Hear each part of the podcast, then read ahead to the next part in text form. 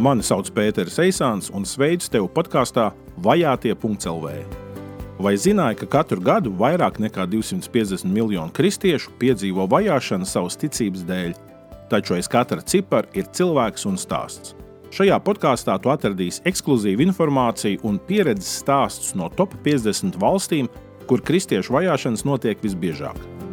Te tu iemācīsies paplašināt savu aizlūgšanu apvārsni, Te tu varēsi praktiski iesaistīties un izmainīt kādu vajātā dzīvi. Tas viss vienreiz mēnesī, lietišķā formātā, bez drāmas un depresijas. Pievienojies!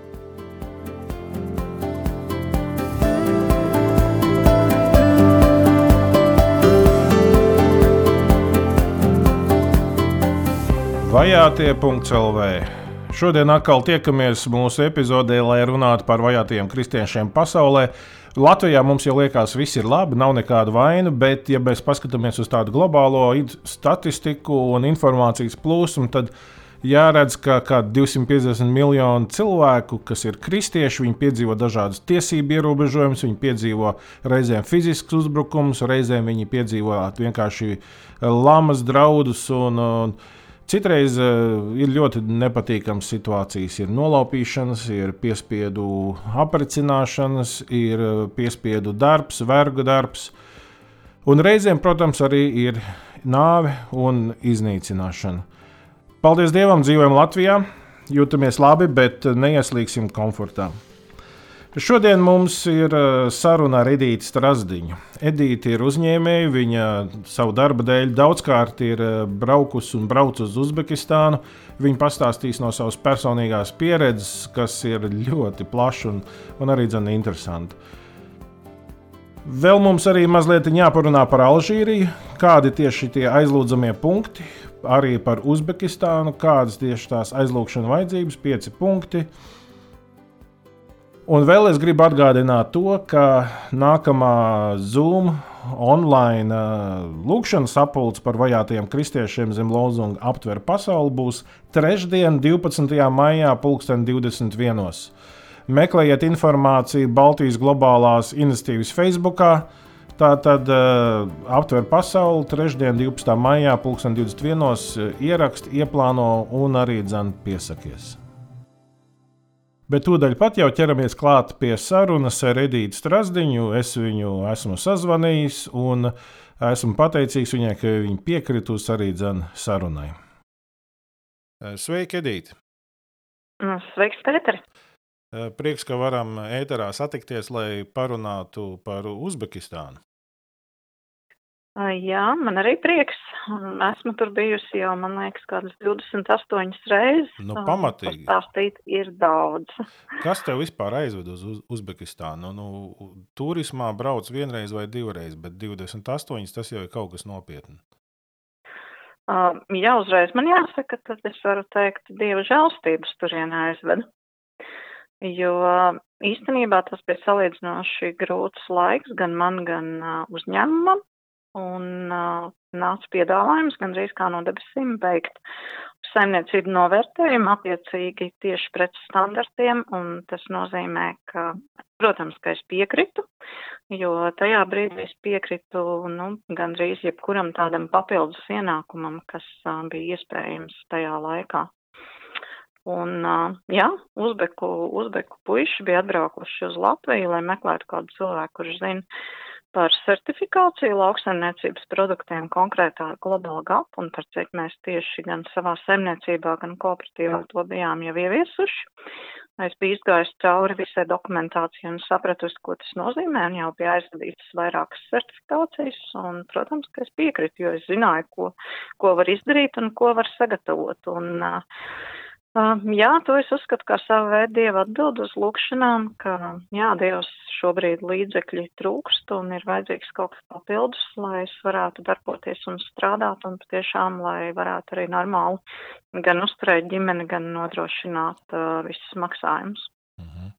Nu jā, tā neviļas tev sanāca, nu, biznesa un misija vienlaicīgi. Um, jā, tas bija, tas bija biznesa vienlaicīgi. Un, protams, pats sākums tas šķita kā musulmaņu valsts, mazliet bailīgi, bet aizbraucot tur, es saprotu, ka valsts iekārtas salīdzinoši droši, īpaši pret tādiem, kas ceļo, kas tur dodas. -huh. Un pilnīgi loģiski, ka pirms braukt uz tādu valsti ir jānoskaidro visas lietas, kas ir nepieciešams, gan par tādām lietām kā naudas maiņa, ko mēs kādreiz šeit pat nemaz nesam zinājuši un neienāk prātā. Eiropā ceļo samaini viss kārtībā. Aha. Šādās valstīs ir limiti, uh, ir ierobežojumi ievest, izvest, ir deklarēšanas, un ja tu kaut kur nokļūdies, tad, protams, var sanākt arī nepatikšanas. Aha. Uh, Bet, eh, bet eh, kopumā jā, kopumā jā. Eh, pirmais brauciens veicās veiksmīgi, pēc tam varēja paņemt līdzi arī certificētājas iestādes, kas jau brauc ne tikai Latvijā, bet arī no, no citām valstīm, un līdz ar to jau sanāca iepazīsties gan ar vēstniecību Latvijā, kas tiešām ļoti, ļoti daudz atbalstīja gan visas tikšanās, gan ar šīm organizācijām, kas strādāja ar startautiskiem projektiem. Un, protams, jā, vēlāk nākošie piedāvājumi, kas jau bija, tie bija ļoti interesantā veidā atkal, jo Praktiski bija tā, ka uh, viena no, no lielām naudas devēja organizācijām, kura kārtējo projektu bija sludinājusi, meklēja cilvēku arī, kas uh, var tā kā palīdzēt. Un, protams, viņi bija ieraudzījuši jau datubāzē, ka ir uh, pirmie certifikāti Uzbekistānā, un saprat arī caur, caur kurām certifikācijas iestādēm tas tā kā ir gājis cauri. Un pavisam neviļus zvanot uz šo iestāžu vadību, nevis uz Latvijas vai, vai uh mhm. Polijas uh, sēdvietām, bet vienkārši gan, gan, gan uz Anglijas uh, vadību vienai no certifikācijas iestādēm, gan uz Latvijas kantori. Abi uzreiz tā pirmais cilvēks, kas viņiem pienācis prātā, viņi bija nosaukuši manu vārdu. Un, uh, tas ir tāds, tāds uh, arī, mēs varam teikt, sagadīšanās, bet es varētu teikt, ka tas ir uh, kārtējā dieva žēlstība. Un, mm. uh, protams, tā izvēle krita uz mani, lai iesaistītu šajā projektā, un tas jau tad bija tāds nākošais lielais solis, lai es turpinātu šajā valstī strādāt gan ar certifikācijas lietām, gan ar konsultācijām, gan ar valdības iestādēm jau, jau lielākā līmenī, gan ar padomdošanu vēstniecībām, gan ar semināriem semināru organizēšanu mm -hmm. kopā ar gan ar Latvijas vēstniecību, gan ar Uzbekistānas vēstniecību šeit Latvijā. Un uh, līdz ar to arī iepazinos, protams, ar uh, vadību globāla gapa pašam standartam, uh mhm. -huh. kur es arī sākumā domāju, nu, tas ir tāls sapnis, viņi strādā pa visu pasauli, nu, kas tad es esmu. Bet uh, Dievam nav tāds, kas tad es esmu. Uh, ja Jā. Dievam ir savs plāns, kā atbalstīt savus bērnus grūtā situācijā, tad, tad nav tāda vārda, tāda teikuma, kas tad es esmu. Un, protams, bija tikšanās tieši Uzbekistānā ar šīs organizācijas vadītāju, un, protams, rezultātā es šobrīd jau, nu jau būs drīz trīs gadi, kā strādāju globāli apā, un reāli šis darbs ir visā pasaulē. Mm, nu, Protams, mans reģions joprojām ir palicis gan Centrālā Āzija, gan uh, visas krieviski runājošās valstis, bet uh, ir arī papildus standarti, kur, gan papildus mācības, un uh, esmu izgājusi šo apmācību skolu arī sava darba vietā, un uh, esmu treneris, var teikt, uh, par standartiem. Un līdz ar to, jā, ir, ir šīs mācības, kas ir gan angliski, gan latviski, un, protams, viņas ir daudz, daudz plašāk gan Āfrikai, gan Latīņa Amerikai, gan Indijai ir bijušas, un, protams, Krievu valodā ļoti daudz mhm. šajos reģionos, kur runā krieviski. Tā ir Ukraina, Grūzija, um, visa centrālā Azija, arī Turkmenistāna, kas šķiet tāda ļoti, ļoti slēgta valsts, bet uh, jā, šobrīd, uh, šobrīd sadarbība ar šīm valstīm ir ļoti laba un ļoti labā līmenī. Nu, tālāk es gribētu vēl nu, tādus divus uh, lokus izmest. Uh, viens ir tas, ka no nu, tīri, ka es tā lasu informāciju par Centrālā Azijas valstīm, ka runāt, eh, ir viena no tādām tēzēm, ir, ka Uzbekistānā šobrīd ir visgrūtāk būt kristietim. Nu, tur ir vairāk tie iemesli, kāpēc tas tā ir. Par to es tev gribēšu pajautāt pēc tam, bet varbūt vēl pirms tam vienu loku izmetīsim. Uh, par Uzbekistānu kā valsti. Nu, teiksim, ja viens normāls latviečs aizbrauc tad, nu, nu, kas tad ir Uzbekistānā? Tas, ko mēs pazīstam, ir tās viņu torpēdi melonas, ja, kas visiem ļoti garšo, vismaz man ļoti garšo. Ja, bet tā vairāk jau tāda nu, plaša zināšana nav. Kas ir tas, ko viens vidusmēra latviečs nezina par Uzbekistānu, bet būtu jāzina? Nu, vai par kultūru, par sadzīvi, par ekonomiku, par lauksaimniecību, kaut vai, nu, vai kaut kas vēl bez meloniem viņiem aug? Um, Jā, ja mēs skatāmies tīri uz um, lauksaimniecības produktiem, tad teikšu, ka tik garšīgus tomātus kā Uzbekistānā, viņu saulē, kas ir audzēti, mm. un, un arī gurķi, uh, es īstenībā pat īsti nekur citur nesmu ēdus. Bet ja mēs skatāmies uz augļiem, tad uh, pavasaris jau sāks ar fantastiski garšīgiem saldajiem čiršiem. Mm. Tie arī tur ir vienkārši fantastiski. Tālāk ir aprikozes, uh, tādi ir, protams, pašas melonis un arī arbūze, kuri tur uz vietas ir ļoti, ļoti saldi, un Latvijā mēs tādus nemaz nevaram dabūt. Un jau mazliet vēlāk mēs varam nobeigt šo sezonu ar fantastiskām vīnogām, kas ir šīs garās pirkstiņu vīnogas, un, mhm. un tas, ko viņi sauc arī kaltētās tā kā rozīnes, kišmiš, un, un, un uh, viņu nosaukumos katrā ziņā augļi tur ir fantastiski, un tas ir tas, kas man īstenībā pietrūkst tagad, kad var ceļot mhm. šajā uzbeku augļi. Un, protams, uzbeki paši ir braukuši uz šeien. Viņi saka, nē, mēs arī tevi atceramies, mēs tev kādu groziņu ar, ar augļiem atvedīsim. Un ir jā, šis noformētais groziņš gan ar vīnogām, gan ar uh, arī citroni. Uh, mm. Viņiem ir uh, mazliet tā kā savādāk šis citrons, kā mēs esam pieraduši ar ļoti plānu miziņu. Un šos citronus ar visu mizu var sagriezt un uh, mierīgi likt salātos daži, dažādos mm. klāt. Tas ir tas, kas arī Taškens reģionā bija slavena citrona audzētava, man liekas, pat saucās Limonai, uh, kur siltumnīcās arī padomju laikā bija šī plašā citrona audzēšana. Uh, vēlāk nāk arī persika un fantastiski garšīga granātā būla. Mm. Tas nozīmē, ka tur ir pilns spektrs ar šiem augļiem, un, un, un par to var vienīgi pabrīnīties, un arī zīdkoku augļi, un daž, dažādas ogas, un arī pavasara zemenes. Nu, es teikšu, ka tas, kas tur ir, viņu saulē, viss ir ļoti, ļoti garšīgs. Uh -huh. uh, bet, bet, uh, ja mēs skatāmies uz virtuvi kā tādu, tad, protams, mazliet atšķirīgi tiem, kas ir gaļēdāji. Tiem tur ir paradīze. Tie, kas ir veģetārieši, būs bišķi sliktāk, jo veģetāro sēdienas ir grūti jāatrast. Jā. Un, ja mēs skatāmies arī restorānā uz porciju, tad nav tā kā pie mums latviešiem pilns šķīvs ar kartupeļiem un gabaliņš gaļas. Nē, tur ir otrādā. Tur ir pilns šķīvs ar gaļu un uh, gabaliņš kartupeļa un, protams, visi sādi salāti klāt. -huh. Bet uh, Vēl jāsaka, ka tik garšīgi sagatavotu aitas gaļu visādos veidos, arī lielopu gaļu, kā ir Uzbekistānā, es uzreiz varu pateikt, ka, nu, aizbraucot uz turieni, jārēķinās ir kilograms klāt pie figūras, jo, mhm. jo, ja ilgāk dzīvo arī, jo patiešām virtuve ir fantastiski mhm. garšīga, Un uh, viena no lietām, kas noteikti ir jānodegustē, ir uh, viņu plovs. Mm -hmm. Jo arī Latvijā mēs to saprotam mazliet savādāk. Mm -hmm. Viņi saka, jūs jau Latvijā ēdat uh, tā kā kašu, tā kā putru, un tas nav plovs, ja vēl, ja jūs piemērsat klāt uh, šo, šo tomātu biezeni, un mm -hmm. tas ir pilnīgi kaut kas cits, tas nav plovs. Plovs viņiem ir, ir irdeni rīsi, bez uh, jebkādiem pieaukumiem, un pamatā, lai plovs būtu garšīgāks, viņi izmanto vismaz uh, 6, 7, 8 eļļas. Oh. Un dažni dažādi eļu veidi. Protams, tas plovs ir diezgan trekns, bet rīsos eļļa ir iesūkusies, un šī rīsa ir tāda ļoti, ļoti iedeni. Uh -huh. uh, virsū parasti tiek pārlikti cepti ķiploki, tiek liktas klāt arī rozīnes, uh, tiek uh, vēl dažni dažādas lietas, arī turku zirņi pa virsu pārlikti un nodekorēts, un, uh, protams, um, galvenā sastāvdaļa ir šī aitas gaļa.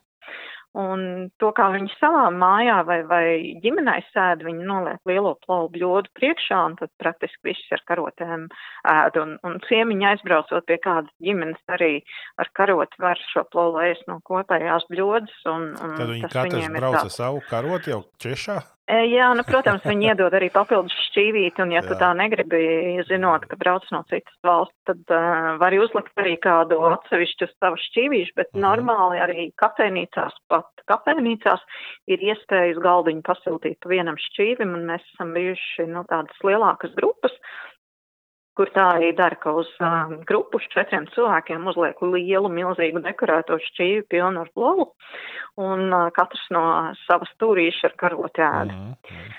Um, tad uh, nevajag brīnīties, ka diezgan vienkāršās kafejnīcās, kur gatavo arī ļoti garšīgi, uh, jums netiks iedots nazītis, jo dažreiz tas ir trūkums, un viņi mm. saka, tā ir nacionālā virtuve, un mēs nacionālajā virtuvē ēdam ar karotēm. Mm. Uh, labākajā gadījumā ar dakšiņu, bet uh, nazīts tur nebūs.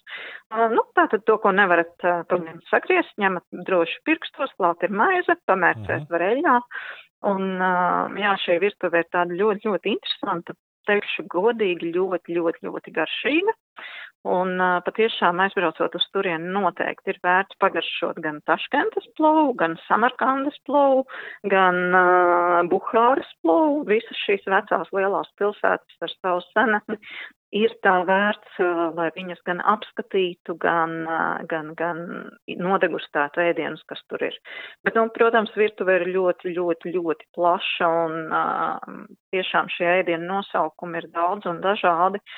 Um, tā kā Jā, tas, tas, tas, kas tur ir uz vietas, nu, varētu kāds, kas brauc, man paprasīt, ka, ko nozīmē šis ēdienu nosaukums, un tad jau, uh, tad jau es uh, liktu, ir gan, gan, gan um, jā, šī, šī dolmas un mm -hmm. visāda veida vīnoga lapā stītā gaļa un vis visādi veidi, un, protams, jā, arī maizes veidi, viņa plakanā maize, kas ir uh, tikko cepta vienmēr no krāsnes ļoti garšīga un kuru arī lauž. Uh, Un uh, viņu paradumu, protams, ir, ka tā maizē ir tāds aplis pa vidu, kas ir tāds plānāks, un tad ir tāda biezāka kārta apkārt, un tad viņi saka, nu, tiem, kas vēl nav precējušies, tiem ir jāēd vidutiņš.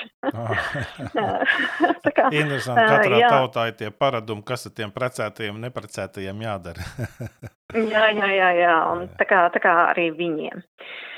Uh, Nu, jā. jā, bet, nu, ja mēs pārslēdzamies eh, no virtuves, tad, eh, tad tas, ko es eh, lasu un skatos, ir, nu, ja viņiem ir 33 miljoni iedzīvotāji un kaut kur 350 tūkstoši orientējoši, nu, kaut kas pie procenta sanāk, ir kristieši. Kāda ir tā kristiešu situācija? Vai viņi pārsvarā, tavuprāt, ir no slāvu izcelsmes ļaudīm vai arī vietējie, un, un kāda ir tā viņa konkrētā no tā ierobežojuma būtība, ko viņi sastopās savā dzīvē un kalpošanā? Uh, To, ko es esmu satikusi, mm, ir, ir ļoti daudz arī iebraucēju, kas dzīvo Uzbekistānā. Tie varētu būt arī amerikāņi ļoti daudz, jo viena no tādām būtiskākajām organizācijām, kas arī ir kā donora organizācija, ir USAID, tātad amerikāņu palīdzības organizācija, un es esmu arī satikusi vairākus cilvēkus jā, no turienes, kas, kas dzīvo tur uz vietas jau ilgus gadus un, un ir iedzīvojušies, un, protams, viņi ir kristieši. Tad ir arī citu valstu kristieši, kas tur dzīvo, un ļoti daudz, protams, ir slāvu. Un to, ko es esmu redzējusi arī viņa draudzēs, jā, ir arī vietējie salīdzinoši daudz. Bet, jebkurā gadījumā šie vietējie, bieži vien arī divkalpojumi, kas notiek, viņi notiek arī Krievu valodā. Mm -hmm. Tādēļ, tādēļ ir slāviskās izcelsmes cilvēki salīdzinoši daudz vairāk šie kristieši, vai arī jauktās ģimenes, kas varbūt ir bijušas, tomēr -hmm. ir saglabājuši šo kristietību, un, protams, viņi tur ir. Lielās draudzes ir praktiski pa vienai mm, Taškentā, kuras darbojas. Par citām pilsētām man tad īsti nav informācija, bet es saprotu, viņas arī pulcēs kā mazās uh -huh. mājas grupiņas. Okay. Mm, vai arī nāk kopā, bet, bet tāda plašāka informācija varbūt man nav. Uh -huh. Bet, nu, teiksim, tur ir arī, nu, kas, kas tavuprāt ir tie, nu, ko es vēroju, piemēram, Baškīrijā nu, un Krievijā, ko es esmu dzirdējis. Nu, tur diezgan daudz ir visādi kaut kādi administratīvi ierobežojumi, un, un arī tur nevar pateikt, kas to tieši motivē. Vai tas ir nu, Baškīrijā, vai tas ir kaut kāda dēļ kaut kāda islāma, ja tā ir vienkārši tāda administratīvā struktūra, kas vienmēr grib visu turēt zem uh, kontrolas un uh, nu, pār visu valdīt, pār visām detaļām. Un, un, un, un tāpat arī Krievijā, vai ne? Ka, teiksim, tur ir atkal pareizticība, bet tik un tā, nu, evaņģēliskie viņi, viņiem ir tik daudz ierobežojumu, un atkal tu nevari saprast, nu, tas ir tikai kaut kāda tāda Eh, nu, administratīvais aparāts un tāda apgrūtinājuma, ja tas ir kaut kas, eh, kaut kas cits vai ne. Un, un, un, protams, no otras puses arī tīri, kas ir tādā sadzīviskā līmenī, vai ne? Nu, nu, teiksim, nu, ja ir cilvēkiem kaut kāds uzskats, nu, ā, tie ir kaut kādi margināļi un jocīgie, nu, uh, nu sektanti, nu, ko lai dara viņiem? Jā, savā veidā šāds uzskats ir, bet es teiktu tā, ka Uzbekistāna ir salīdzinoši atvērta un draudzīga valsts visiem, mm. bet tai pašā laikā ar ļoti stingru kontroli. Mhm. Un uh, tas, ko arī Uzbekistāna pati saka, ka viņi ir tā kā robežas šķirtne varbūt, lai, lai nebūtu šie terora akti un sirotāji arī no Afganistānas mm, puses, kas mm. ir varbūt šie agresīvie cilvēki. Viņiem sanāk un, tieši tur robeža ar Afganistānu, ja? Jā, mm, okay, jā, jā. Skaidrs. Un uh, līdz ar to, līdz ar to uh, praktiski mm, valsts līmenī ir noteikts, jā, ka tā ir brīvība, bet tai pašā laikā, lai nebūtu kaut kādi publiskie kašķi, kaut kādas izreikināšanās, nu, tas nav atļauts tā ļoti publi publiski -huh. popularizēt. Okay. Un, ja godīgi, tāda ļoti publiska popularizēšana nav arī īsti musulmanismam. Protams, katram cilvēkam ir tiesības to brīvi darīt, -huh. bet jārēķinās ar to, ka valstī tomēr lielākā daļa ir musulmaņi un ir ļoti draudzīgi, ļoti miermīlīgi šie cilvēki cilvēki, un, un es vismaz, paldies Dievam, esmu satikusi tiešām fantastiskus, jaukus un draudzīgus cilvēkus, bet tai pašā laikā ir arī tādi, kas ir diezgan agresīvi noskaņoti pret kristiešiem, un, un līdz ar to uzzinot, ka tie ir kristieši, ka tās ir kristiešu ģimenes, viņas savā veidā arī mazliet tiek izstumtas no šī mm, tā kā sabiedrības vidus ārā. Jārēķinās ar to, ka uh, Uh, ir, ir grupas iedzīvotāju, uh, kuras dzīvo tādos um, reģionos, pilsētiņas mhm. reģionos, uh, un, un uh, kā viņus sauc, makalaši vai, vai, vai šie, šie konkrētie, nu, tādi daudz, daudz dzīvokļu māju reģioni, kur ir mhm. diezgan noslēgti, un šie cilvēki viens otru pazīst. Un mm. uh, viņi varbūt arī pat pusdienas gatavo ārā kopā uz kazaniem, un nav tāda, tāda nošķirtība kā latviešiem, kurš varbūt savā mm, stāvā vai, vai uh, savā latviski sakot, padjiestā, ja? viens otru nezina, varbūt pat nezina savu kaimiņu, tad katrā ziņā Uzbekistānā noteikti visi tie, kas dzīvo vienā kāpņu telpā, viņi viens otru ļoti labi pazīst. Un līdz ar to, jā, mazliet varbūt, ka ģimene, kur ir kristieši, nevis musulmaņi, varētu būt mazliet izstumti, jo viņi neatbilst šiem varbūt vietējām tradīcijām un un uh, vietējiem principiem, vietējiem svētkiem, kas tiek svinēti, mm -hmm. ieskaitot ramadānu yeah. un visus pārējos. Un tādēļ varbūt uh, viņi uzreiz jūtās mazliet izstumti. Un, protams, arī darba vietās mm. vispārējais, vispārējais noskaņojums, jā, viss ir vienādi un viss ir jāatzīst, bet ir cilvēki, kuri, tā, man ir, man ir dot varu tevi pieņemt darbā, un ja es zinu, ka tu esi kristietis, es tev nepieņemšu. Tā kā bieži vien ir tīri šī individuālā cilvēku attieksme pret to, jo, jo joprojām jāatzīmē, ka korupcijas līmenis ir diezgan augsts Uzbekistānā, un, mm. un gan kaut kāda arī valdības iestādēs pieņemšana darbā atbrīvošana, daudzi projekti, kas ir, viņi tomēr ir kaut kādā veidā, nu, man tā gribās un es tā izdaru, ja, un, un pietuvinātie cilvēki. Es gribu, lai šo projektu uzvar šis cilvēks.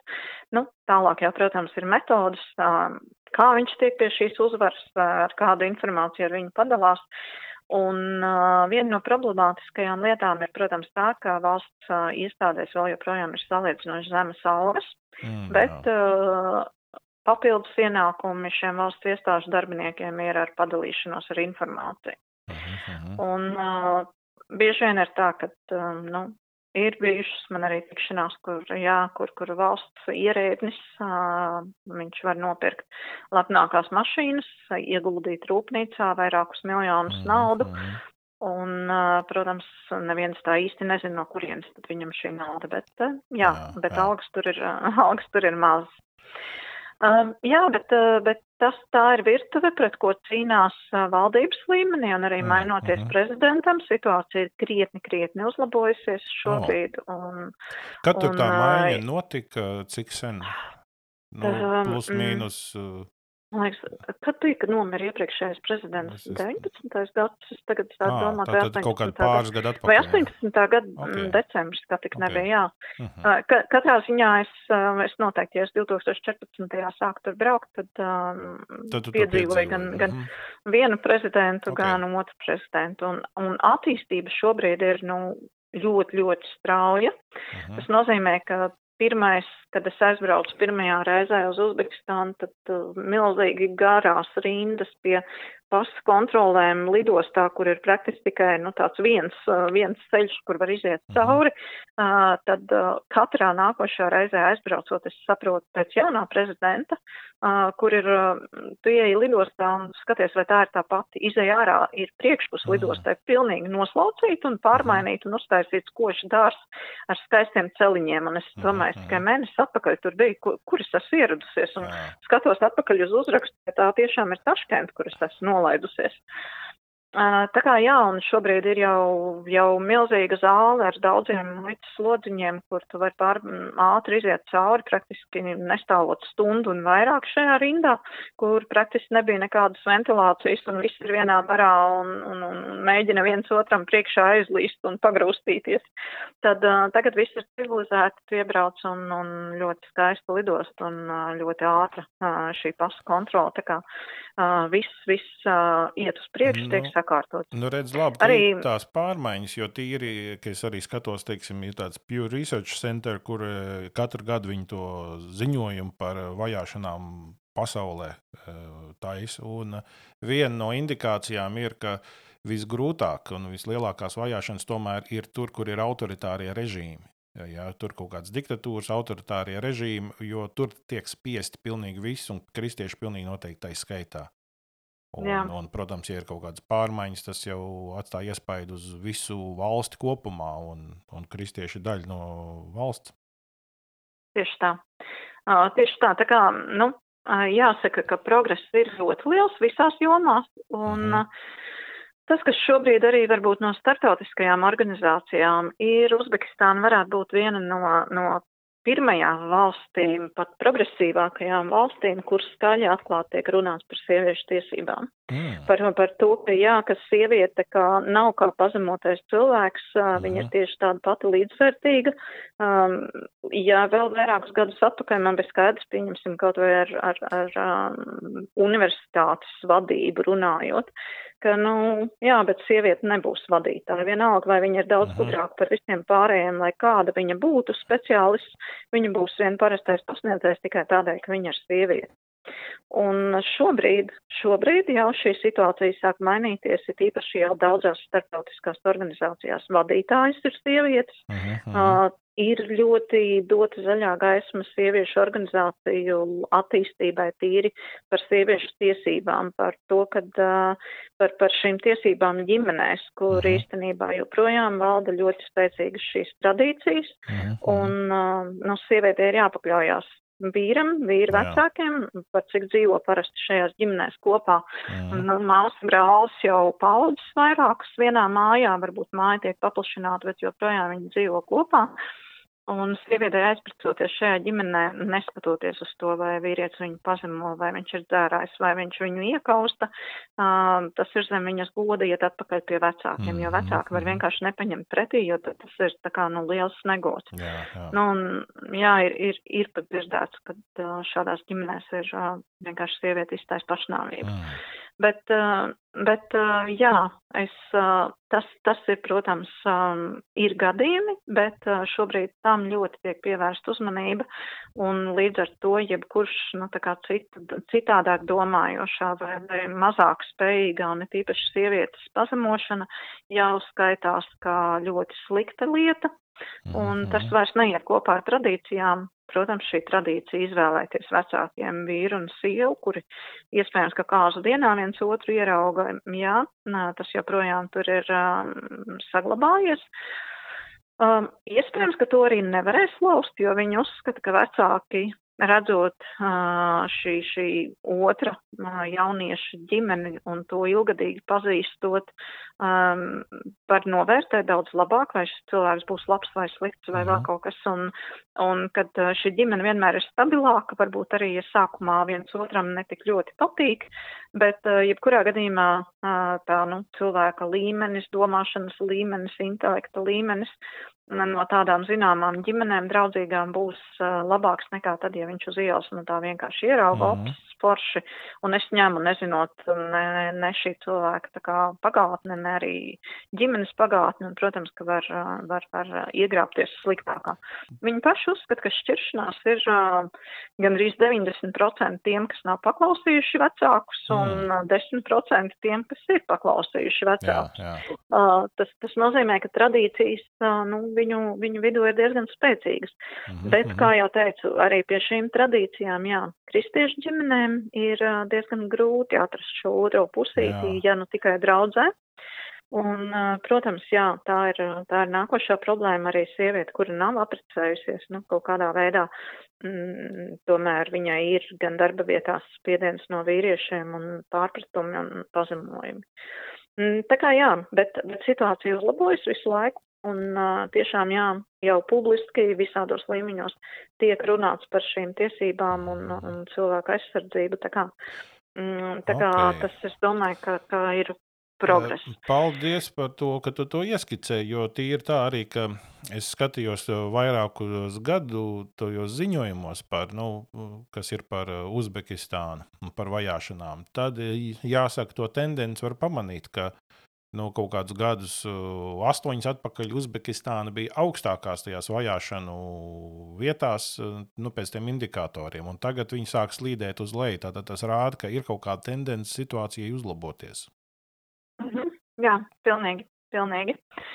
Uh, protams, uh, ko vēl var teikt, uh, ir viens, viens lielu daļu to, ko es stāstu, tā ir Taškenta, -hmm. vai arī lielo pilsētu centri pilnīgi atšķirīga situācija ir lauku teritorijās, kur, ja nemaldos, tad, kad es vēl vācu statistiku un, un mēs kopā arī ar lielajām organizācijām skatījāmies, tad uh, ir šis projekts pieslēgt visus ciemus lauku pie elektrības. -huh. um, tad, kad es vēl skatījos šo statistiku, tad bija 126 ciemi, bez uh, vispār bez elektrības, mm. bez nekādām labierīcībām un tā tālāk. Tas nozīmē, nu, māla būdiņa elektrība, tur nav televizors, mm. tā nav internets, tev vispār nav pieejams. Arī šobrīd ir tā, ka braucot Uzbekistānu uz daudzām vietām nav ne telefona sakara īsti, ne uh, par internetu nemaz nerunājot. Un ziema, uh, un ziema tur ir? Uh, Uh, jā, jā, un, un uh, tieši tāpēc arī, nu, šī varbūt izglītības līmenis, varbūt uh, vairākas lietas, kas tomēr netiek sasniegtas tīra lauku rajonos, tādos nomaļākos reģionos. Cilvēki dzīvo, viņi ir laimīgi ar to, kas viņiem ir, viņi ir pēduši, viņiem ir darbs, bet uh, viņi ir tālu no tādas sapratnes, uh, kā mēs to darām. Jā, varbūt mhm. šeit palīdz šīs, šīs tradīcijas un jāņem vērā, jā, ka tad dominējošais ir musulmanisms un uh, varbūt kaut kas cits pat netiek ielaists šādās sabiedrībās, bet jā, jā, jārēķinās ar to, ka tomēr uh, ir, ir tāda ļoti, ļoti krasa atšķirības starp bagātajiem un nabagajiem slāņiem. Mēs šeit mhm. moderni to sakam džini koeficients, bet uh, uh, ir tā, ka uh, Taškentā ir pilis, kurās cilvēki mm -hmm. dzīvo un ļoti bagāti dzīvo, un lauku rajonos ārpus Taškentas ir būdiņas, mm, dažreiz pat bez durvīm, kuras tiek aizsektas ar, ar aitu ādām vai segām, kas no viņiem ir saglabājies, un praktiski iedzīves nav nekādas. Kazans ir ārā, ko, ko izvārīt ēdienu, bet noteikti nav iekšā pat plītiņas, un, ja nav elektrības, tad par kādām vēl plītiņām mēs tur runājām un par kaut kādām gaismām. Nu, ir tāda ļoti, ļoti primitīva sadzīve vēl dažās vietās, bet Varbūt, ka daļai tā ir arī cilvēku pašu izvēle, jo viņiem arī tiek dot iespēja braukt ārpus no šiem ciemiem, braukt strādāt uz Krieviju, kur ir ļoti liels piedāvājums, un uh, daudzi no viņiem arī dara. Un, un, un ja skatāmies vairāk arī par visu Centrālā Aziju, tad tad pieņemsim dažs labs reis, pieņemsim no Taģikistānas uz Maskavu ir tāds, nu, kā darbinieku jā. It īpaši, ja tas ir kādā pirmdienas rītā, tad tu iekāp un saproti, ka tur ir pilns ar puišiem. Meitenes, protams, atkal netiek laistas ārā vienas pašas, uh -huh. lai kaut kur tālāk brauktu, jo, nu, tur, tur ir šī diskriminācija mazliet vairāk, bet jā, jaunie puiši vienkārši sasēžas lidmašīnā tādās pašās ganu drēbēs un un to, kas nu viņam ir. Uh, Tur mēs neredzam šādās lidmašīnās čemodānus, zolīdus, kā mēs esam pieraduši un skatāmies, kā tik nav pa vecu un kā tik nav pa nobružātu. Mm -hmm. Tur ir, tur ir brezenta somiņas labākajā gadījumā vai, vai kulīte, kurā ir saliktas mantas iekšā, drēbes iekšā, kuras tiek paņemtas līdzi un katrā ziņā, jā, tā ir, tā ir mazliet cita pasaule. Mm -hmm. Un negluži tāda, pie kā mēs esam pieraduši. Jā.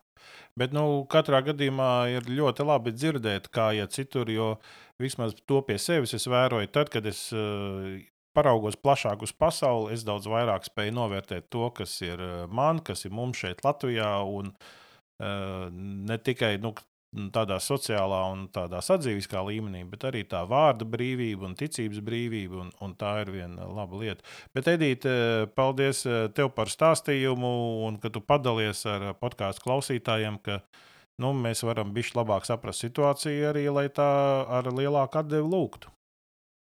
Jā, uh, un uh, tas ir būtiski, ka mēs zinām šīs valstis, ka mēs vispirms varam pateikties par fantastisko Latviju, kur mēs dzīvojam. Jo, ja godīgi, es tiešām esmu pateicīga Dievam, ka es esmu piedzimis vienā no labākajām valstīm, kur dzīvot, un tā ir Latvija. Un, um, jā, un lūkšanas ir ļoti, ļoti vajadzīgas šīm valstīm, īpaši par iedrošinājumu un kristiešiem. Paldies, tev, Edīt, par sarunu. Paldies, Pēter.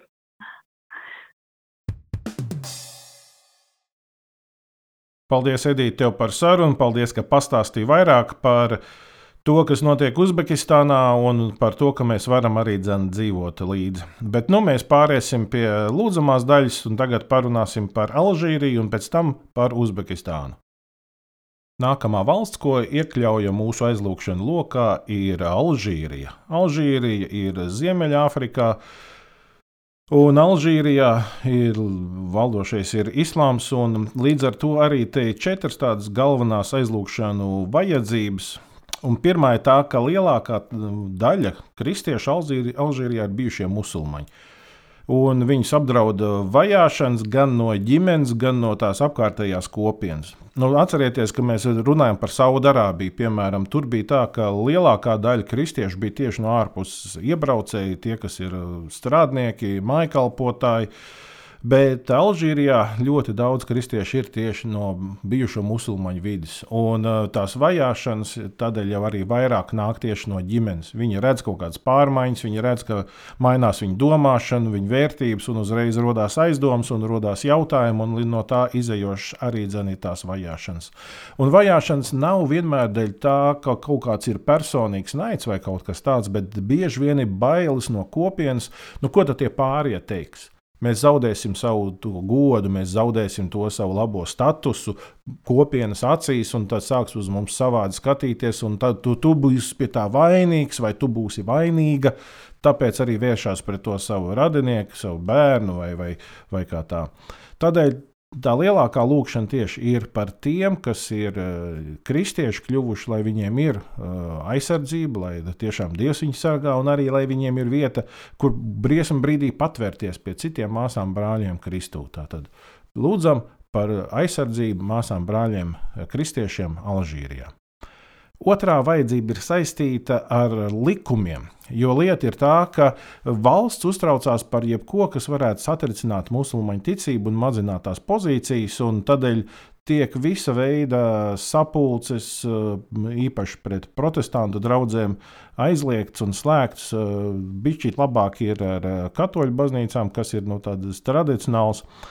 Bet 2006. gadā tika pieņemts no starptautiskas spiediena dēļ arī tāds likums, kas ļāva draudzes, kristīgās draudzes reģistrēt, bet problēma jau ir tā, likumi it kā pieņēma un noteikumus uztaisīja, bet eh, tā reģistrācija nenotiek un tās tiesības draudzēm eh, veikt savu dievkalpošanu nemaz tā netiek dotas un netiek ievērotas.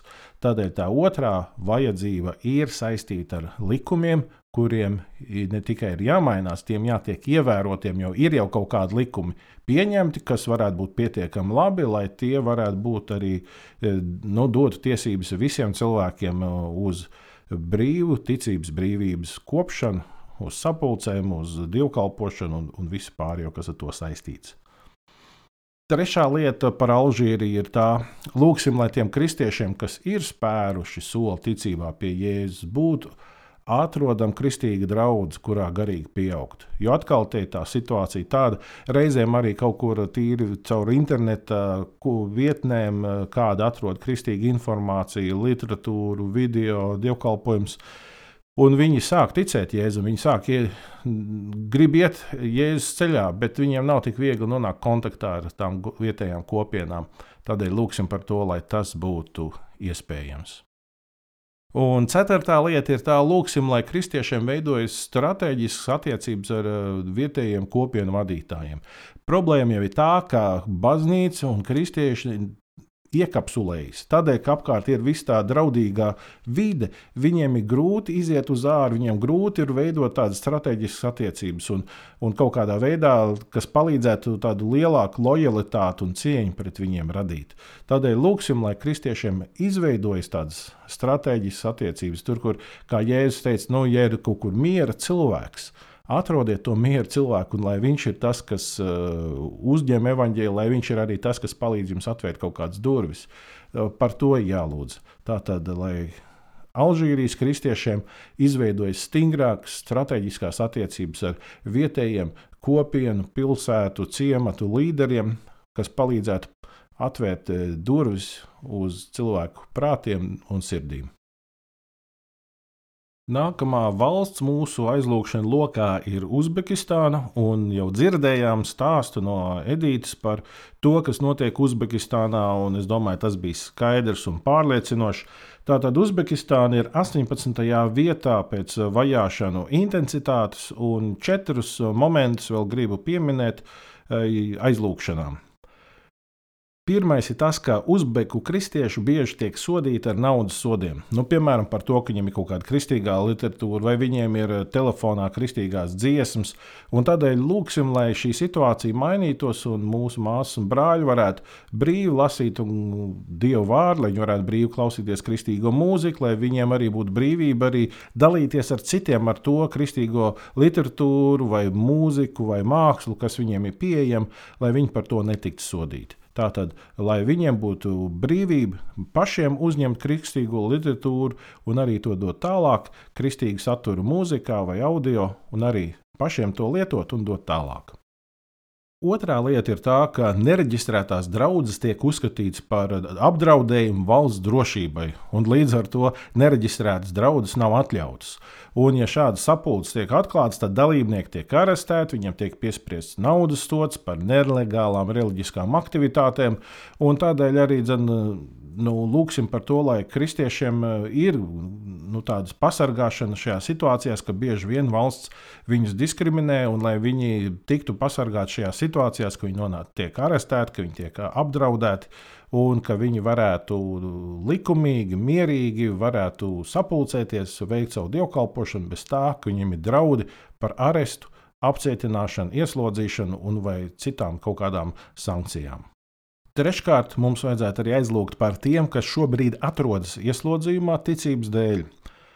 Lūksim, lai viņi ir iedrošināti, lai viņi ir iestiprināti, lai viņiem ir cerība un paļāvība uz Dievu, un lai viņiem ir nu, arī iespēja drīz tikt arī dzen ārā. Tātad lūdzam par tiem, kuri šobrīd atrodas ticības dēļ ieslodzījumā. Un ceturtā lūkšana vajadzība ir tā, lai Dievs stiprina vadītājus.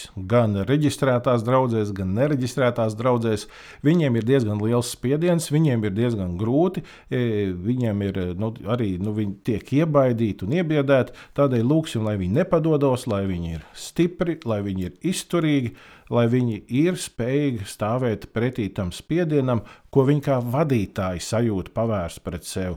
Lūksim arī par to, lai viņiem ir tie cilvēki, kas viņus atbalsta, lai viņi, viņiem ir tāda sajūta, ka viņiem ir aizmuguri, eh, gan garīgā, dieva spēka aizmuguri, gan arī cilvēki, kas viņus iedrošina, uzmundrina un palīdz viņiem izturēt.